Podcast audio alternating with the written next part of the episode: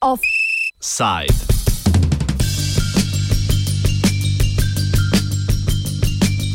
Poslanski odpustek za avtomobilsko industrijo.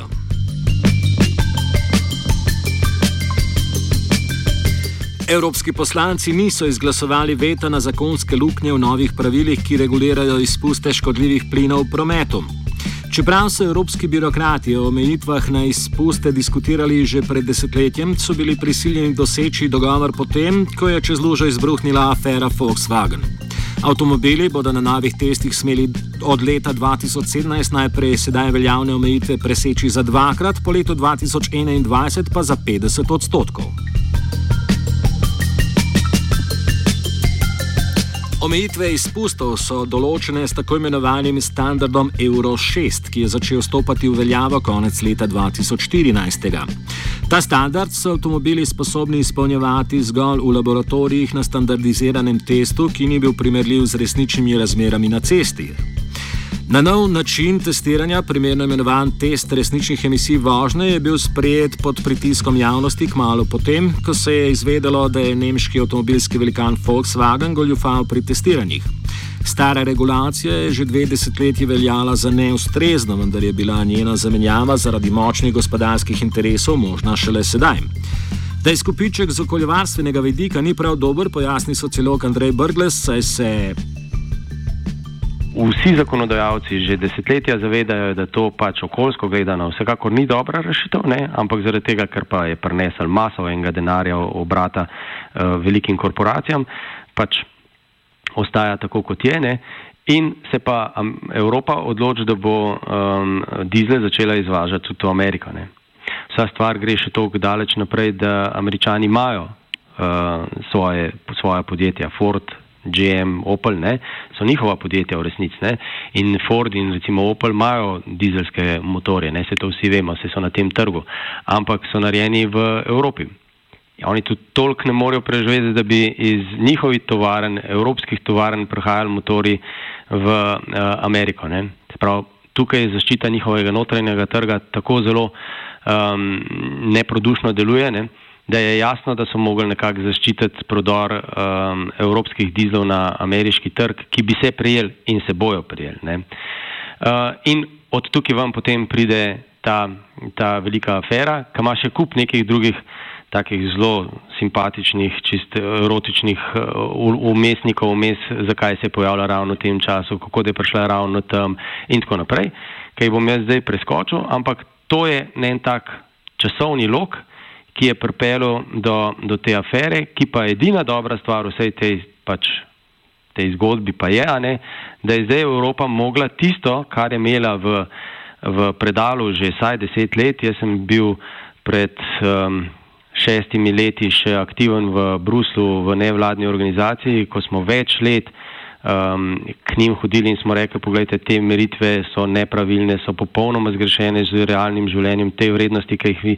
pišete uh, na avtomobile, so skregane z vso logiko in realnim življenjem in tako naprej. In so oni rekli, v redu, super, fajn in so dali to v predal in so pač šli svoje življenje naprej živeti. Ne. No, to se zdaj spremenili. Ampak, kot že lahko danes vidimo, ne, ni treba, da smo prestirano srečni na tem, da se bo to spremenilo, zato ker se bo spremenilo bolj klavrno. Um, namreč te nove meritve se že zdaj vidi, da ne bojo odraz kakšnega realnega stanja, kjer pa je treba biti toliko spet trezen, da avtomobili prav jutr ne morejo bistven, lahko močno zmanjšajo, lahko nove tehnologije, ki so na pohodu in tudi tiste, ki so že tukaj, obetajo veliko, ampak eh, rešitve, da bi pa lahko tako nizke vrednosti realne bile dosežene, kot um, bi si jih pa mi želeli, prav čez noč pa ni možno. Ne. To je pa pač problem tega, da slonimo na, na naftine.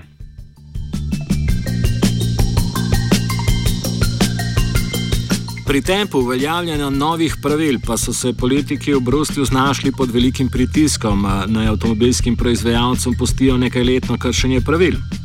Žgoča tema je razdelila Evropski parlament. Poleg največje skupine v parlamentu, desno-sredinske Evropske ljudske stranke, so k potrditvi glasove prispevali še razdeljeni socialisti in liberalci. Na podlagi katerih pritiskov? Sem pet let izkušen uh, v Bruslu, na bruselskem parketu, kot rečeno, v močni nevladni organizaciji in na drugi strani na močni lobistični um, strani avtomobilističnih proizvajalcev. Tam se, tam se pač vidi, kdo je, kdo, kdo ima škare in platno v rokah. Ne? Spomnimo, zaradi visokih standardov ZDA so bili Volkswagenovi dizelski avtomobili opremljeni z računalniškim programom, ki je zaznal, kdaj je avtomobil na testiranju in je takrat spremenil režim delovanja. V tem režimu je avtomobil na račun manjše zmogljivosti in varčnosti zmanjšal izpuste zdravju škodljivih dušikovih oksidov pod zakonsko določene meje. Zakaj pa se v Evropi vozimo na dizelski pogon, pojasni, pojasni Brgles. No, pri izpustih, uh, pri vseh avtomobilih na fosilna goriva gre vedno pač za temeljno uh, težavo, da pač ti.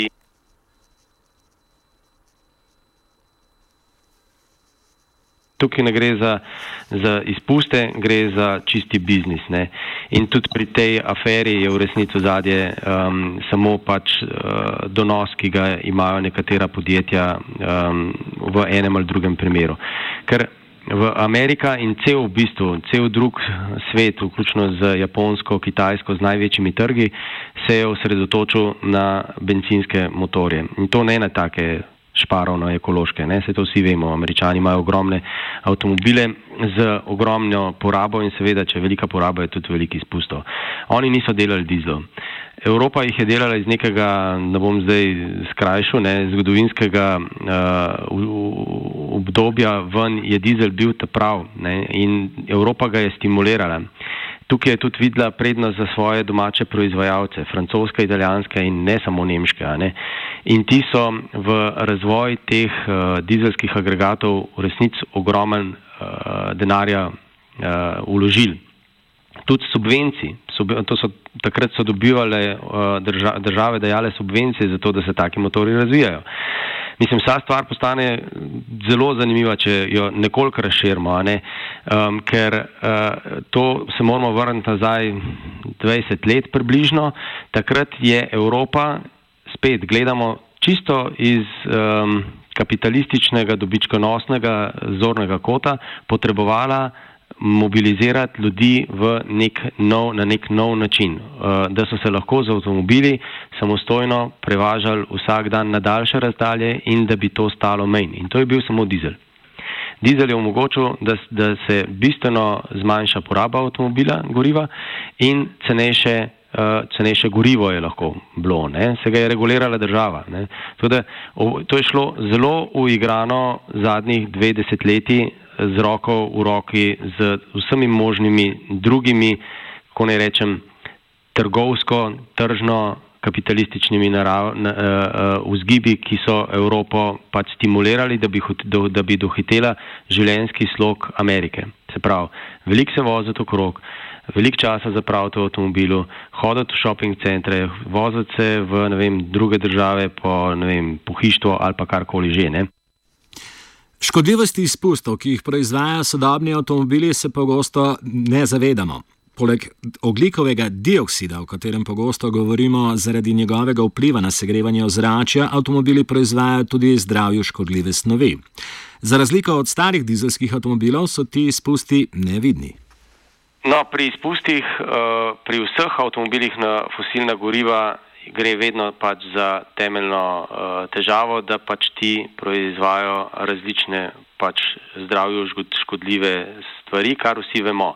Benzinski avtomobili pač en del, dizelski drug del, pri katerem so ti tako imenovani prašni delci ali črni oglik pač najbolj nevarni, zaradi tega, ker gre za to, kar se um, direktno v dihala pljuča ljudi useda. Ne. Zato je tudi zelo zanimiva bila raziskava, ki jo je naredilo slovensko podjetje uh, Aerosol, ki, v kateri je ena njihova raziskovalka delala uh, raziskavo, koliko tega izpustov, katerih in koliko pride v, v ozračje in koliko daleč stran od recimo prometne ceste, to še človek pač lahko uh, mu škoduje. Velik del tega onesnaženja je v pasu 250 metrov, tak, da je še uh, z neko močno jakostjo prisoten, od tam naprej pa se razgubi. Mogoče samo še dodatna zanimivost, bolj ko avtomobili postajajo prečiščeni, bolj ko je njihovo izgorevanje, ker pri izgorevanju prihaja do tega, um, manjši so ti delci, kar je sicer seveda boljše, ne, mi ne vidimo več tega, pri novih avtomobilih ne vidimo več tistega črnega oblaka, um, je pa res, da manj, ki ga vidimo, manjši ti, ti delci so, kar pomeni, da pa pridejo globlje v uh, naš organizem. Tako da je dvorezen ta meč. Pač, Sveda je dobro, da prečiščanje je, um, ampak uh, s, tem, na, s tem težava ni odpravljena.